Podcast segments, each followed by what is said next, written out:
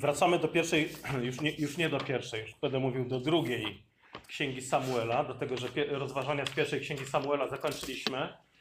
Chociaż, yy, tak jak mówiłem, jest to jedna księga. Pierwsza i druga Samuela to jest jedna księga. Te dwie książki stanowiły jedną całość. Dopiero mniej więcej w XVI wieku, pewnie ze względu na ograniczenia związane z drukiem, one zostały wydane jako dwie oddzielne księgi, zostały oddzielone od siebie, ale musimy czytać po prostu to jako jedną księgę. Dzisiaj jesteśmy w drugiej księdze Samuela i pierwszy rozdział. Zaczniemy y, pie, drugą Samuela, pierwszy rozdział od pierwszego wersetu. Jak macie Biblię, otwórzcie. Jak nie macie Biblii, to posłuchajcie. Uważnie. Druga Samuela od początku. Po śmierci Saula gdy Dawid po rozgromieniu Amalekitów powrócił do Syklak i dwa dni tam przebywał, oto trzeciego dnia przybył z obozu Saula pewien człowiek. Szaty jego były podarte i proch ziemi był na jego głowie. Przyszedłszy do Dawida, padł na ziemię i oddał mu pokłon. Dawid rzekł do niego, skąd przybywasz? A on mu odpowiedział, wymknąłem się z obozu izraelskiego. Dawid rzekł do niego, jak to było? Opowiedz mi. A on odpowiedział, lud uciekł z pola walki. Wielu też z ludu padło i poginęło. Zginęli również Saul i Jonatan, jego syn. Dawid zapytał młodzieńca, który mu przyniósł te wieści, skąd wiesz, że zginął Saul i Jonatan, jego syn?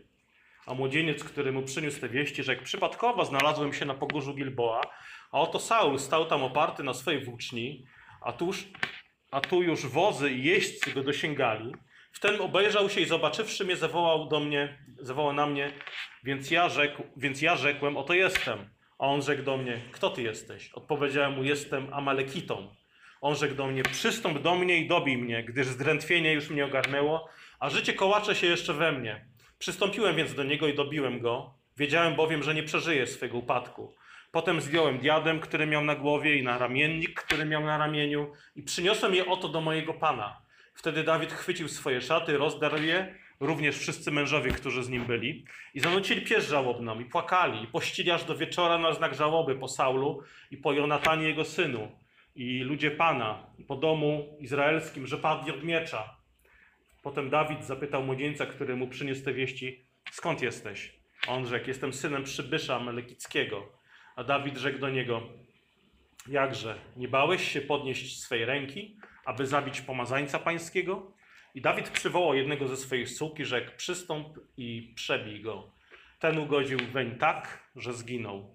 A Dawid, Dawid rzekł jeszcze do niego, twoja krew niech spadnie na twoją głowę, gdyż twoja, twoje usta świadczyły przeciwko tobie, gdyż rzekłeś, ja zabiłem pomazańca pańskiego. Wtedy Dawid zaśpiewał pieśń żałobną o Saulu i Jonatanie jego synu, polecając, aby jej uczono Judejczyków. Jest ona zapisana w księdze prawego. Chluba Twoja o Izraelu, na Twoich wzgórzach poległa, jakże padli bohaterzy. Nie mówcie o tym w Gad, nie głoście na ulicach, po ulicach Aszkalonu, aby się nie weseliły córki filistyńskie, aby nie wykrzykiwały radośnie córki nieobrzezanych. O góry Gilboa, niech nie pada na was rosa ani deszcz, wy pola oszukańcze, gdyż tam splamiona została tarcza bohaterów, tarcza Saula, jakby nie była namaszczona olejem. Przed krwią pobitych, przed tłuszczem bohaterów nie cofał się nigdy łuk Jonatana, a miecz Saula nie wracał próżno. Saul i Jonatan, ukochani i przyjemni, za, za, za życia swego i w godzinie śmierci nierozłączeni. Od orłów szybsi, od lwów silniejsi. Córki izraelskie, płaczcie nad Saulem, który was ubierał w szkarłat ozdobny, który przypinał złote ozdoby do szat waszych. Jakże padli bohaterzy wśród bit, pośród bitwy. Jonatan na twoich wzgórzach leży zabity. Żal mi ciebie, bracie mój Jonatanie. Byłeś mi bardzo miły. Miłość twoja była mi rozkoszniejsza niż miłość kobiety. Jakże padli bohaterzy, poginęły rysztunki bojowe. Pomódlmy się.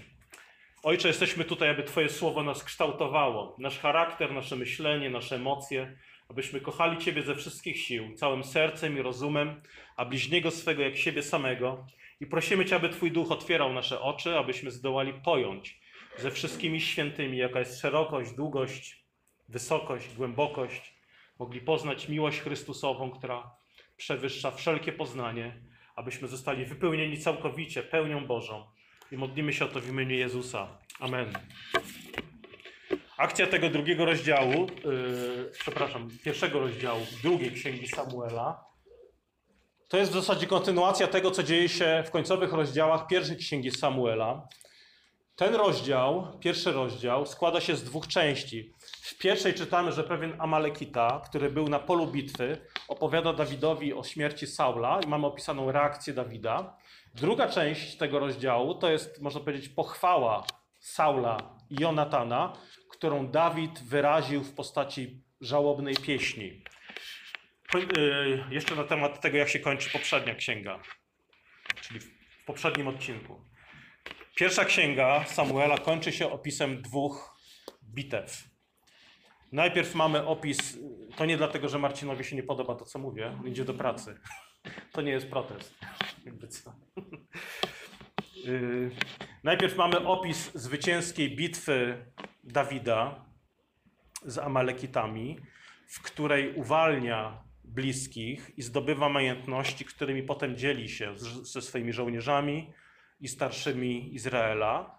I mamy opis większej bitwy, pod względem liczebnym przynajmniej, bitwy Izraela z Filistyńczykami, podczas której ginie Saul, który czytamy, że nadziewa się na swój miecz. Porównanie tych dwóch bitew, zwycięskiej bitwy Dawida i bitwy, w której ginie Saul, mamy w pierwszym wersecie tego rozdziału. Po śmierci Saula, gdy Dawid po rozgromieniu Amalekitów powrócił do Syklak i dwa dni tam przybywał, oto przybył pewien młodzieniec, przyniósł wieści o śmierci Saula i tak dalej. Zobaczcie, tutaj autor zestawia te dwie bitwy, gdzie ginie Saul i gdzie zwycięża Dawid. Zestawia je w taki sposób, że lokalne zwycięstwo Dawida nad Amalekitami staje się dużo ważniejsze niż śmierć Saula w bitwie z Filistyńczykami. Można, można by powiedzieć, ale dlaczego? Przecież zwycięstwo y, Dawida nad Amalekitami, można powiedzieć, że to było niczym więcej jak tylko jakaś plemienna potyczka, która jednak znajduje się w centrum uwagi tutaj tych, tych rozdziałów, podczas gdy wielka bitwa Izraela z Filistyńczykami, kiedy, y, kiedy ginie Saul, ona właściwie ta, ta wielka bitwa jest podsumowana tylko tutaj, zobaczcie, y, początkowymi słowami tego rozdziału. Po śmierci Saula. I to jest wszystko, co tutaj autor ma do powiedzenia na temat tej bitwy, gdzie ginie Saul. Po śmierci Saula. I teraz skąd taka różnica, że, że tu mamy, można powiedzieć, plemienną potyczkę, która jest jednak kluczowa, a tutaj mamy, a po śmierci Saula.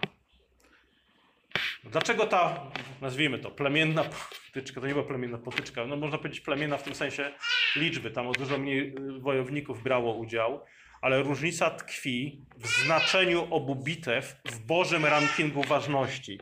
Znaczenie bitwy, w której brał udział Dawid, to znaczenie bitwy nie zależało od ilości żołnierzy.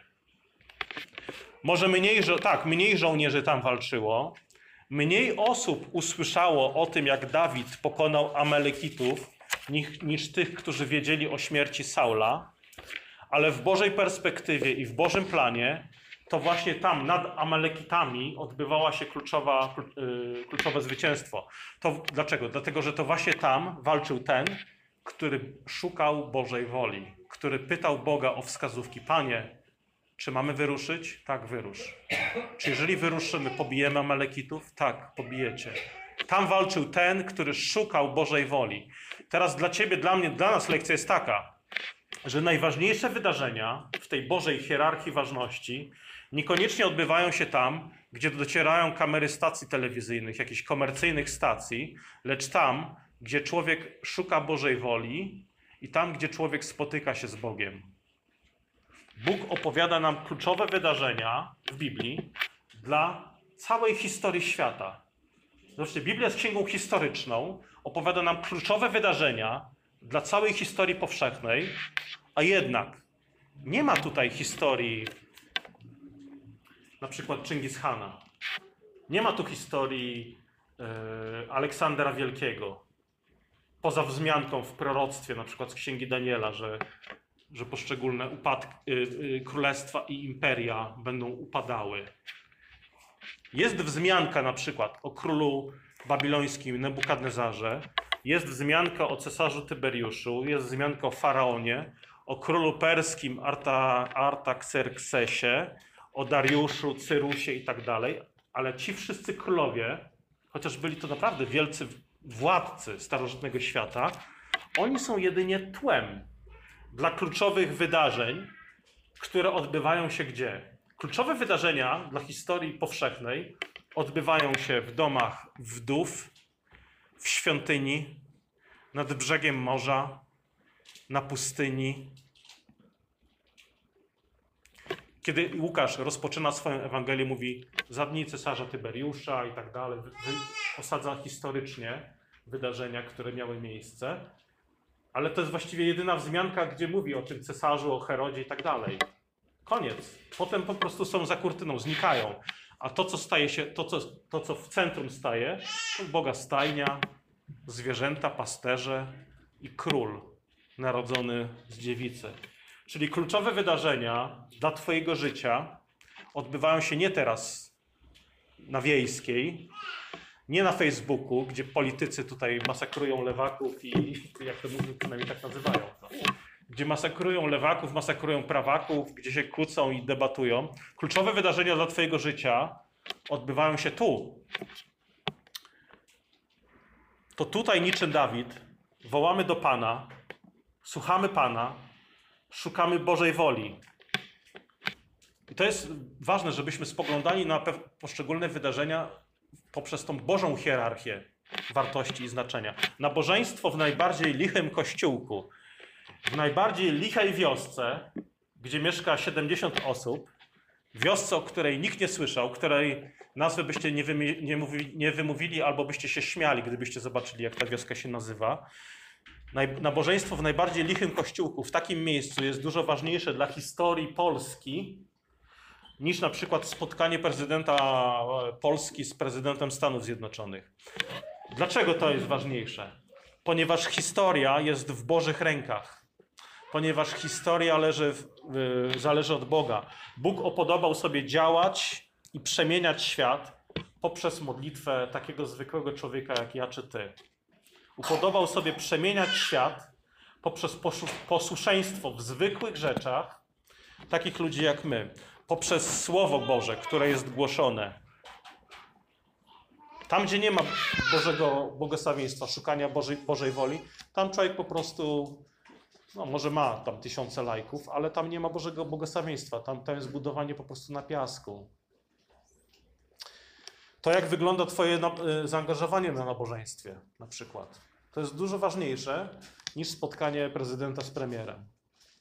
To, jak wygląda Twoje Ojcze Nasz, to, jak wygląda Twoje wierze w Boga, to, jak wyglądają Twoje ręce wzniesione do Boga w geście uwielbienia i poddania, szukania Bożej woli, to, jak wygląda Twój śpiew, to jest dużo ważniejsze. To, jak wygląda nasza codzienna modlitwa w domach, jest dużo ważniejsze niż to, co wiadomości takie lub owakie powiedzą o decyzji rządu.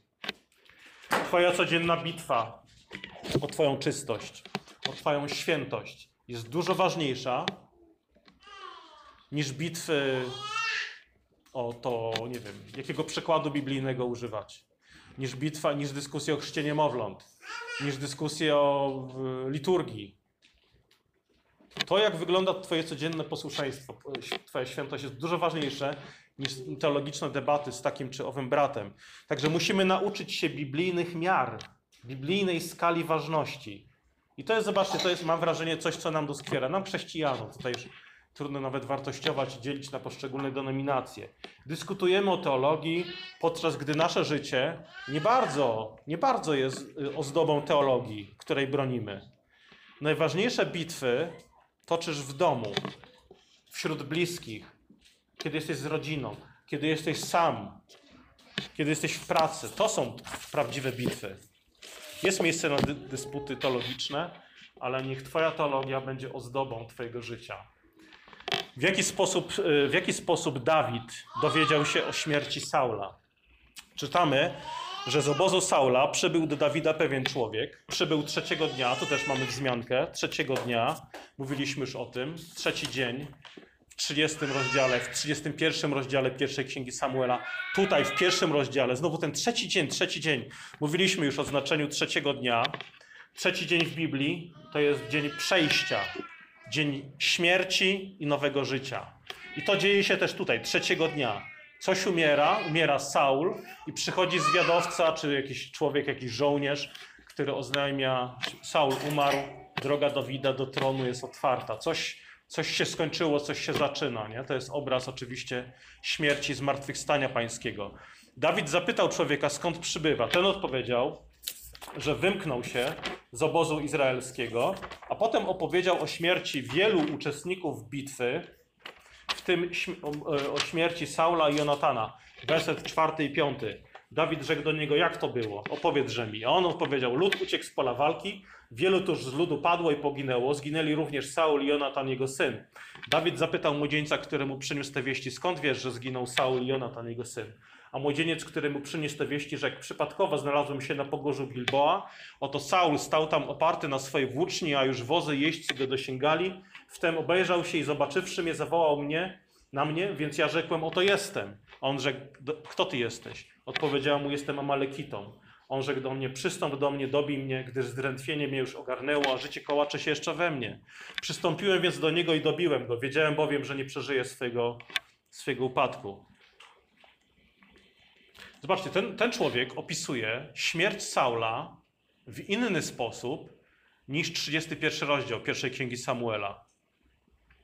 Tam czytamy, że Saul został zraniony strzałą łucznika, wykrwawiając się na polu bitwy, prosi swojego giermka, żeby go dobił, po to, żeby nie mówiono, że zginął Saul z ręki nieobrzezanych.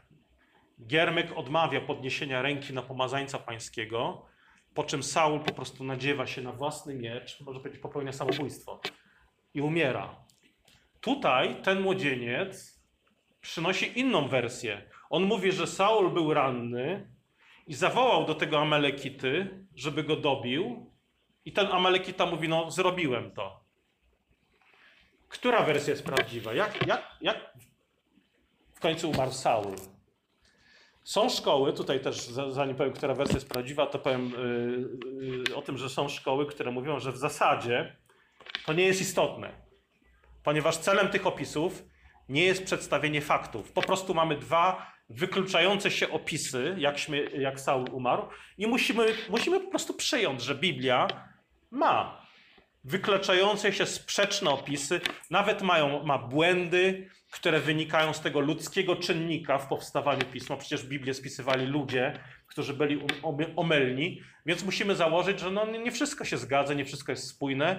Także te, to jest pogląd liberalny, który wynika z założenia, że cała relacja nie może być uznana za, jednorodno, za jednorodną, natchnioną przez Boga i pozbawioną błędów, ale raczej jest to po prostu jakiś taki kolaż różnych tradycji ustnych, tradycji pisanych, które zostały jakoś razem poszywane przez wydawców, ale intencje ich były niejasne, nawet nie, pewnie nie chodziło im podawanie faktów.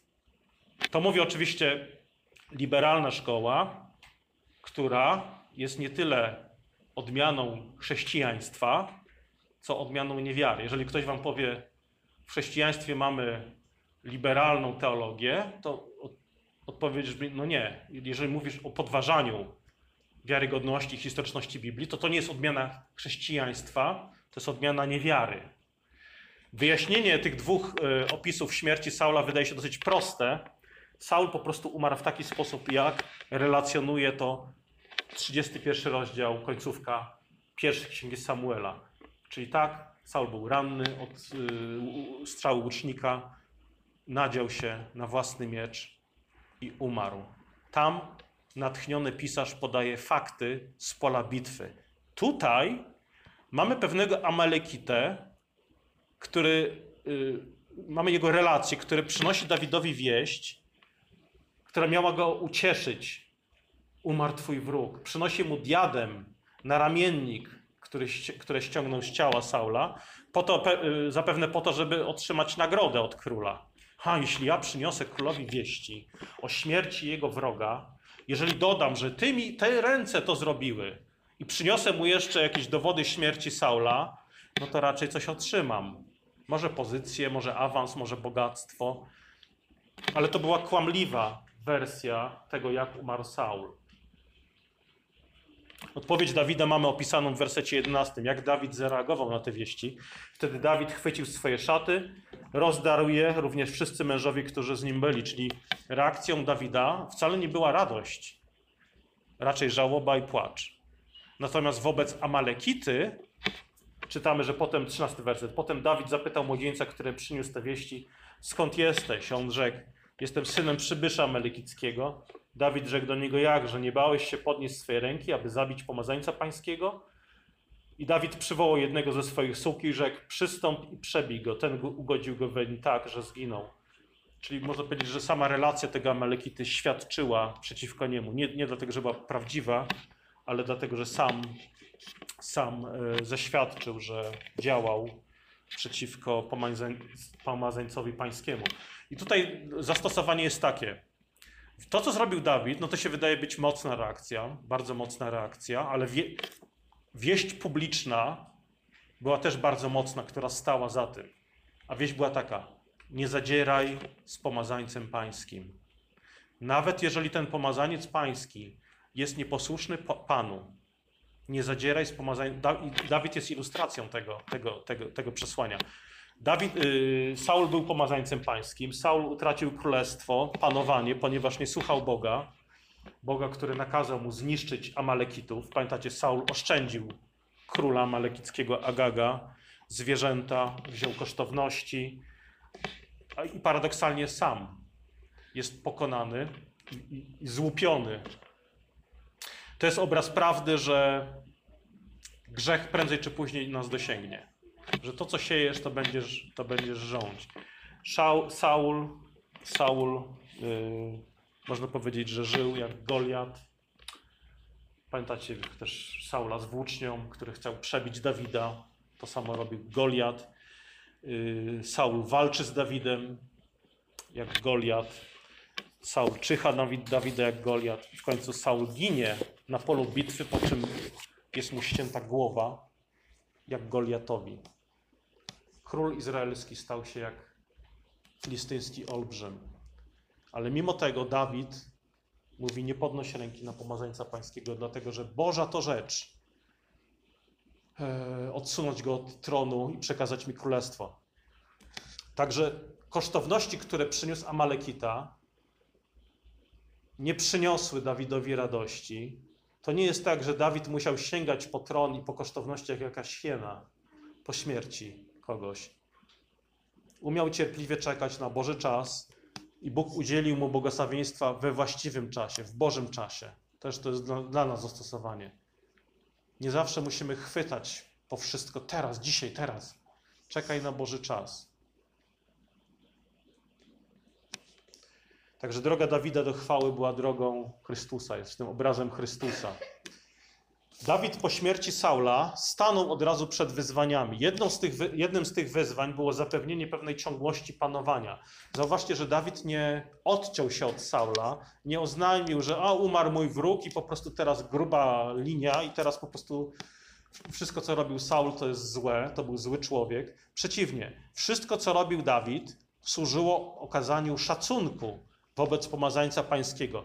Czyli nawet po śmierci, zauważcie, że Dawid był lojalny i wierny wobec Saula i jego domu, okazując miłosierdzie wobec rodziny Saula. To, co się dzieje w tym rozdziale, jest pierwszym przykładem uczczenia imienia Saula.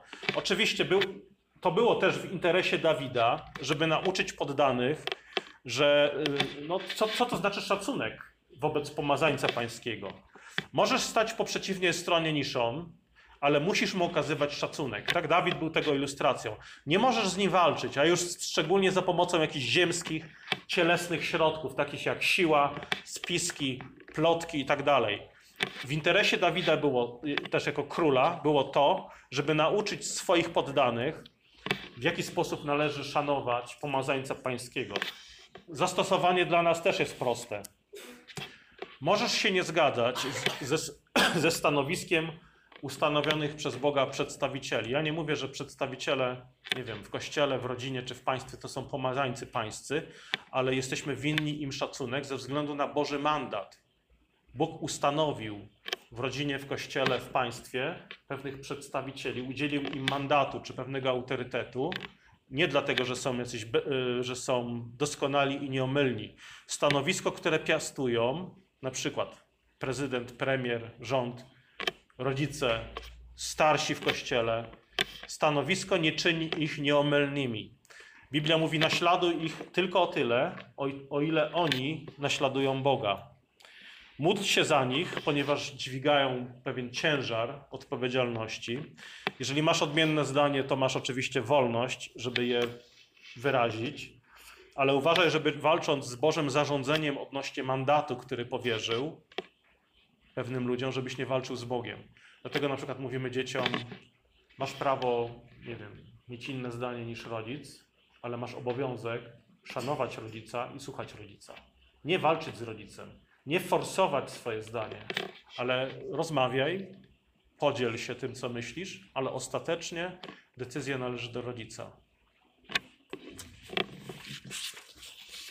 Dawid nie tylko nie mścił się na Saulu, kiedy, pamiętacie, Saul był w jakimś takim szaleńczym amoku, chciał zabić Dawida.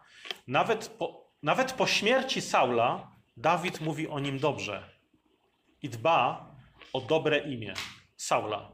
I w pieśni, którą zaśpiewał, tę pieśń żałobną od 17 wersetu, mówi na przykład o Saulu jako wielkim wojowniku, 22 werset.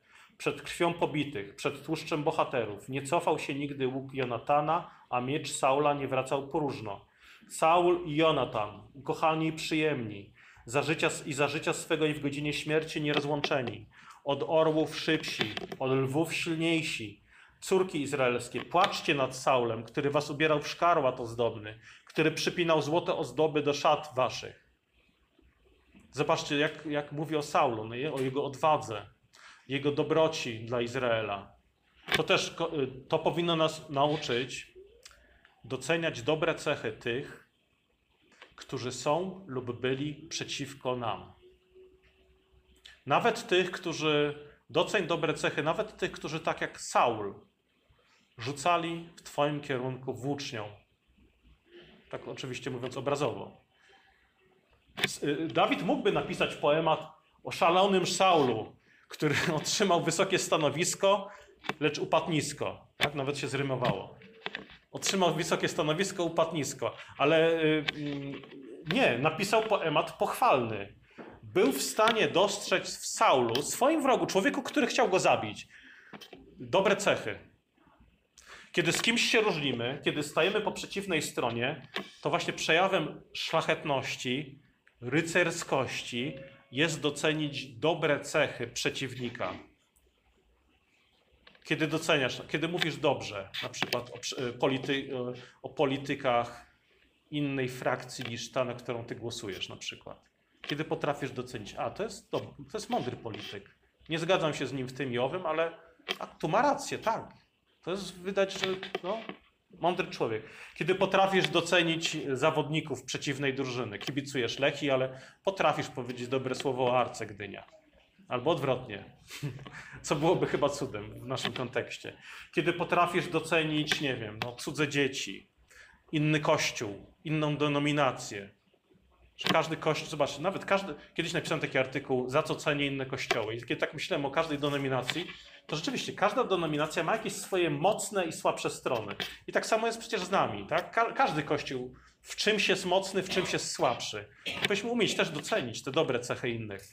To jest ważne, myślę, dlatego, że uśmierca w nas taki narcyzm, egoizm, mściwość nawet, zgorzknienie, czy dostrzeganie tylko końca czubka własnego nosa.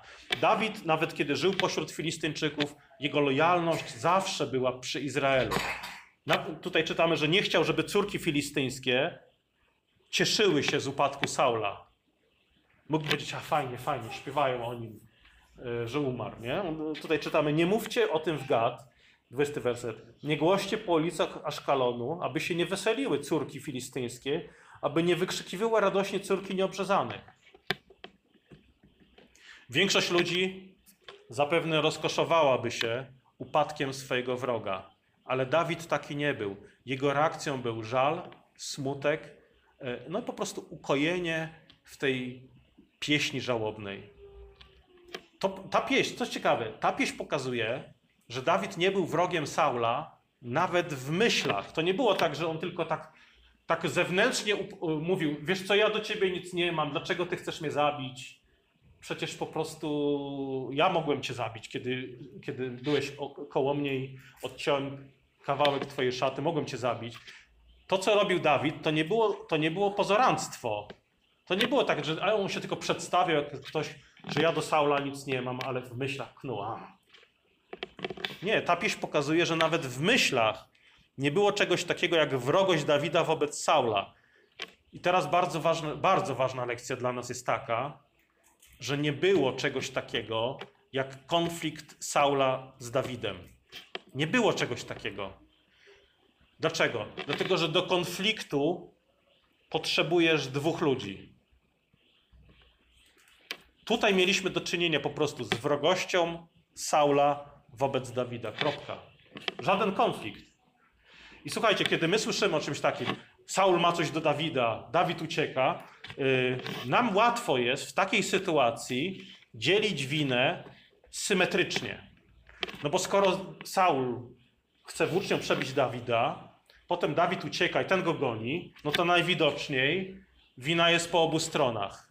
Skoro jest napięcie na linii Saul-Dawid, to znaczy, żeby, że- żeby złagodzić ten, ten, ten konflikt, każdy z nich musi wyznać winę, uznać własną winę, bo najprawdopodobniej ta wina jest po obu stronach. I słuchajcie, jeżeli mamy do czynienia z konfliktem, no to zwykle tak jest. Często tak jest. Ale nie zawsze tak jest. Kiedy Władimir Putin, bodajże, nie wiem, czy to w zeszłym roku było, bo pamiętam, że to była jakaś y, rocznica wybuchu II wojny światowej. Władimir Putin, mówiąc o przyczynie wybuchu II wojny światowej, powiedział, że wszyscy jesteśmy winni. Każdy powinien się uderzyć we własną pierś. Wszyscy jesteśmy winni. Ja mogę się uderzyć w pierś, ale chcę zobaczyć, jak wy, Polacy, też uderzacie się w pierś. To troszeczkę y, nasz wiceprezydent Gdańska też no, niefortunnie, niektórzy to lubią przypominać, ale niefortunnie wypowiedział te słowa, że przyczyną wybuchu II wojny światowej było złe słowo Niemca przeciwko Polakowi i złe słowa Polaka przeciwko Niemcowi. I wszyscy musimy uderzyć się w pierś. To złe słowo jednych do drugich spowodowało wojnę, nie? Słuchajcie, gdybyśmy coś takiego powiedzieli Dawidowi, słuchaj Dawid, dlaczego Saul jest ym, wrog tobie? No bo Saul wypowiedział złe słowo przeciwko tobie, ty wypowiedziałeś złe słowo przeciwko Saulowi po prostu macie konflikt. Ale gdybyśmy to powiedzieli Dawidowi, to znaczy, że bylibyśmy zupełnie oderwani od rzeczywistości. Słyszysz na przykład, że on ma coś przeciwko niej, ona ma coś przeciwko niemu, to słuchajcie, jeżeli takie plotki do ciebie dochodzą, to zamiast uznać, a mi zależy na pokoju między wami, zbliżcie się do, ciebie, do siebie, zadajcie sobie trud, yy, zamiast powiedzieć, zbliżcie się do siebie, podajcie sobie ręce i wzajemnie przeproście, to zamiast coś takiego powiedzieć, może zadajcie sobie trud, żeby dowiedzieć się, czy stanie pośrodku w każdej sytuacji jest sprawiedliwe. Sprawiedliwość w rozstrzyganiu sporów, czy nawet nie sporów, spraw pomiędzy napastnikiem a ofiarą nie polega na tym, że jednemu i drugiemu powiesz, wina jest obustronna, bo dzieje się między wami źle. I słuchajcie, to jest, yy, no to, to, to, to są trudne rzeczy, to jest trudne zadanie być takim sędzią, szczególnie kiedy, nie wiem, rozstrzygamy na przykład spory pomiędzy dziećmi. Ale on mnie uderzył, albo ona mi zabrała zabawkę. To jest trudne. Rodzic musi być sędzią w takich sytuacjach. Y, Między chrześcijanami też dochodzi do konfliktów. Z- I to do konfliktów między ludźmi, na których nam zależy. Ale Pan Jezus mówi: sądź sprawiedliwie. Oceniaj sprawiedliwie, nie, nie z pozorów. Nie istnieje złoty środek w takich sytuacjach, który brzmi: prawda na pewno jest pośrodku. Wina na pewno jest obopólna. Wina jest pośrodku. Czasami takie stwierdzenie, jak jeżeli mówisz, wina na pewno jest pośrodku, czasami, nie mówię, że zawsze, ale czasami takie stwierdzenie jest przejawem lenistwa. Jest, co więcej, krzywdzące dla jednej ze stron. Dlaczego? Bo może być oskarżaniem niewinnej osoby i ucieczką od prawdy i sprawiedliwości. Czasami jako rodzic wiem, że y, w takich sytuacjach dojście do prawdy jest trudne, kiedy, kiedy rodzic mówi rozejść się na przykład, to nie dlatego, że, tu mówię do dzieciaków, nie dlatego, że rodzic jest obojętny na to, co się dzieje, tylko czasami czuje się bezradny i po prostu nie wiem, gdzie jest prawda. Ty mi mówisz to, ty mi mówisz to. Salomon w swojej księdze, w księdze przysłów, yy, ukazuje nam, jak to się często odbywa. Księga przysłów 18-17. Słuszność ma ten, kto pierwszy występuje w sprawie, lecz gdy przychodzi jego przeciwnik, bierze go na spytki. Słuszność ma ten, kto pierwszy przychodzi. Tak często się to dzieje w życiu, tak? Ktoś pierwszy przychodzi ze skargą e, już nas ustawia. Aha, to on się poskarżył, to jest w takim razie tamta jest winna strona, a przynajmniej na pewno jest oskarżona, więc coś jest na rzeczy. Biblia mówi, nie polegaj na świadectwie jednej osoby. Każda sprawa powinna być oparta na świadectwie dwóch, minimum dwóch lub trzech świadków. Także to nie jest tak, że mieliśmy do czynienia z konfliktem na linii Dawid-Saul. Mieliśmy do czynienia z wrogością Saula względem Dawida. Tak odczytujmy tą historię i tak czytajmy niektóre sytuacje pomiędzy ludźmi.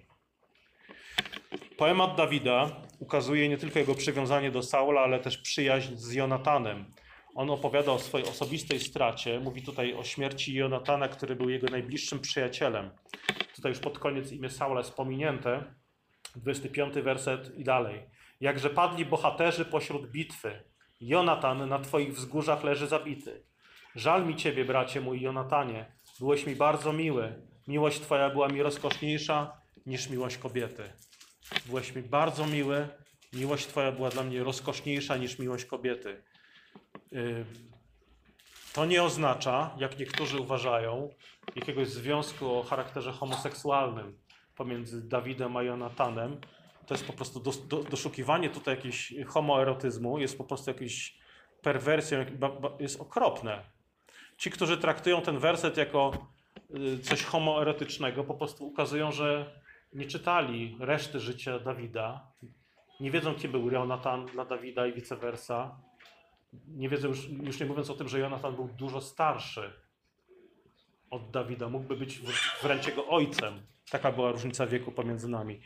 Ci ludzie nie rozumieją braterskiego, y, br- braterskiego przymierza przyjaźni, które może łączyć dwóch mężczyzn.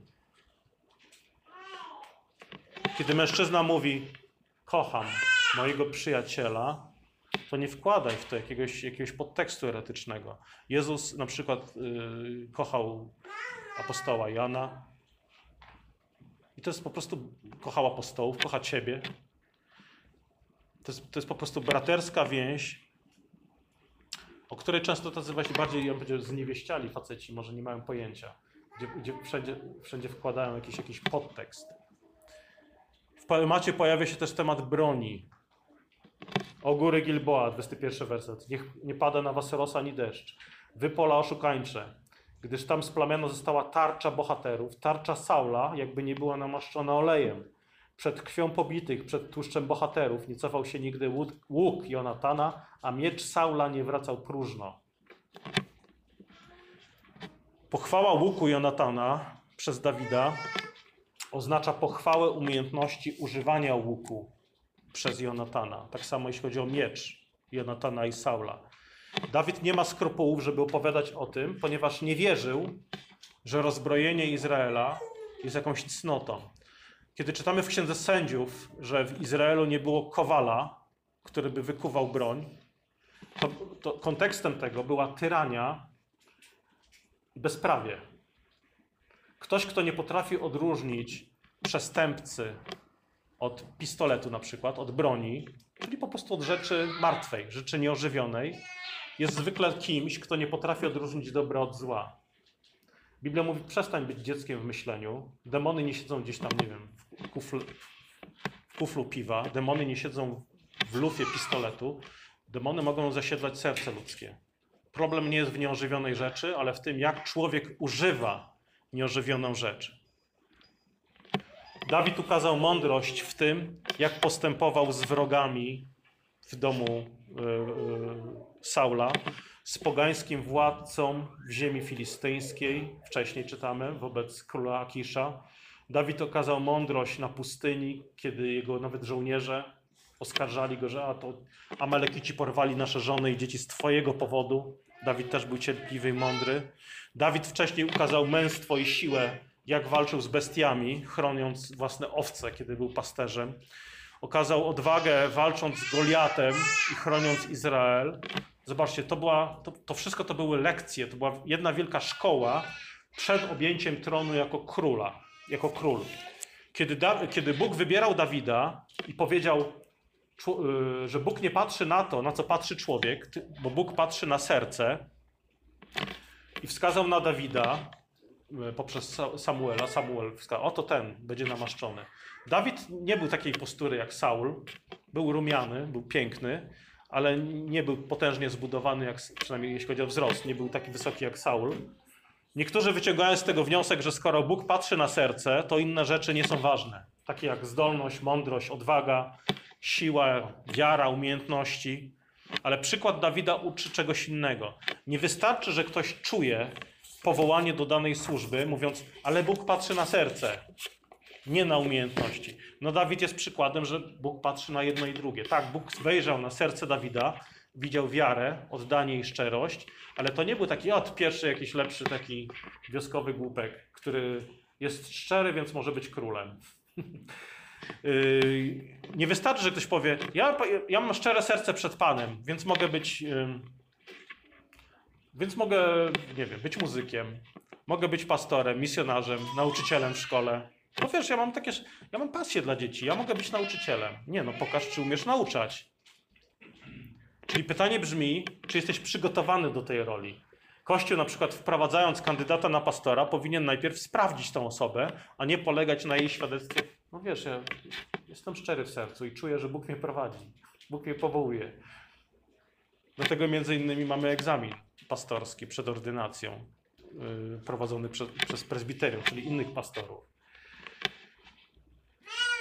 Dawid był takim człowiekiem. Szczerym i wypróbowanym, sprawdzonym. Czyli Bóg patrzy na serce, tak, i wyposaża tych, których powołał. Tak jak takie znane powiedzenie, że Bóg powołuje nie wyposażonych, ale wyposaża powołanych. Jeżeli Bóg cię powołuje do czegoś, to również cię wyposaży, żebyś mógł podołać tej roli. I ostatnia myśl. Druga księga Samuela zaczyna się od wieści o śmierci Saula, tak jak tutaj czytamy. Dociera do Dawida ta wieść, mamy opis jego reakcji, i Dawid w zasadzie ma już otwartą drogę do tronu, ale wcale nie rzuca się na ten tron, tak jakby czekał tylko, ach, kiedy ten Saul w końcu umrze, to ja mogę w końcu zasiąść jako król i w końcu sobie nałożę tą koronę. Bóg przygotowywał Dawida do objęcia tego urzędu przez wiele lat poprzez bycie sługą, poprzez bycie wiernym w małym. Dawid nauczył się posłuszeństwa poprzez cierpienie, poprzez knowania przeciwko niemu, poprzez wygnanie, niesprawiedliwe oskarżenia, nawet oskarżenia jego żołnierzy. Ale Dawid był cierpliwy, Dawid był wierny, szlachetny i odważny. A mimo to jego droga do tronu, i nawet później, kiedy już był królem, wiodła przez ciernie. Zobaczcie, pomyślcie o tym. Dawid był wierny, a jego droga wiodła przez ciernie. To ukazuje, że wierność Bogu nie zawsze związana jest z drogą usłaną różami. Wierność Boga jest, Bogu jest zawsze związana z Bożym błogosławieństwem i Bożą przychylnością wobec Ciebie, ale ta przychylność nie, za, nie, nie oznacza pałacu i worka z pieniędzmi. Oznacza natomiast, że Bóg jest zawsze przy Tobie. Cokolwiek się dzieje, Bóg jest przy Tobie.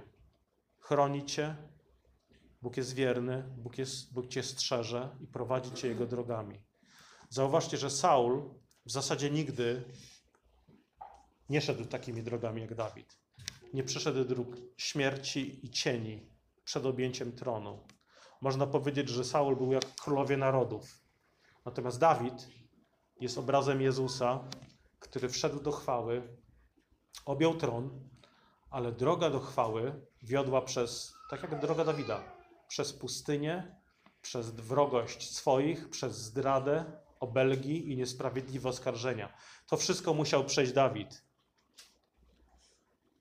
Co jego i nas powinno uczyć, jaka jest droga do chwały. Wywyższenie poprzez uniżenie. Wywyższenie poprzez służbę i krzyż, przez zaparcie się siebie.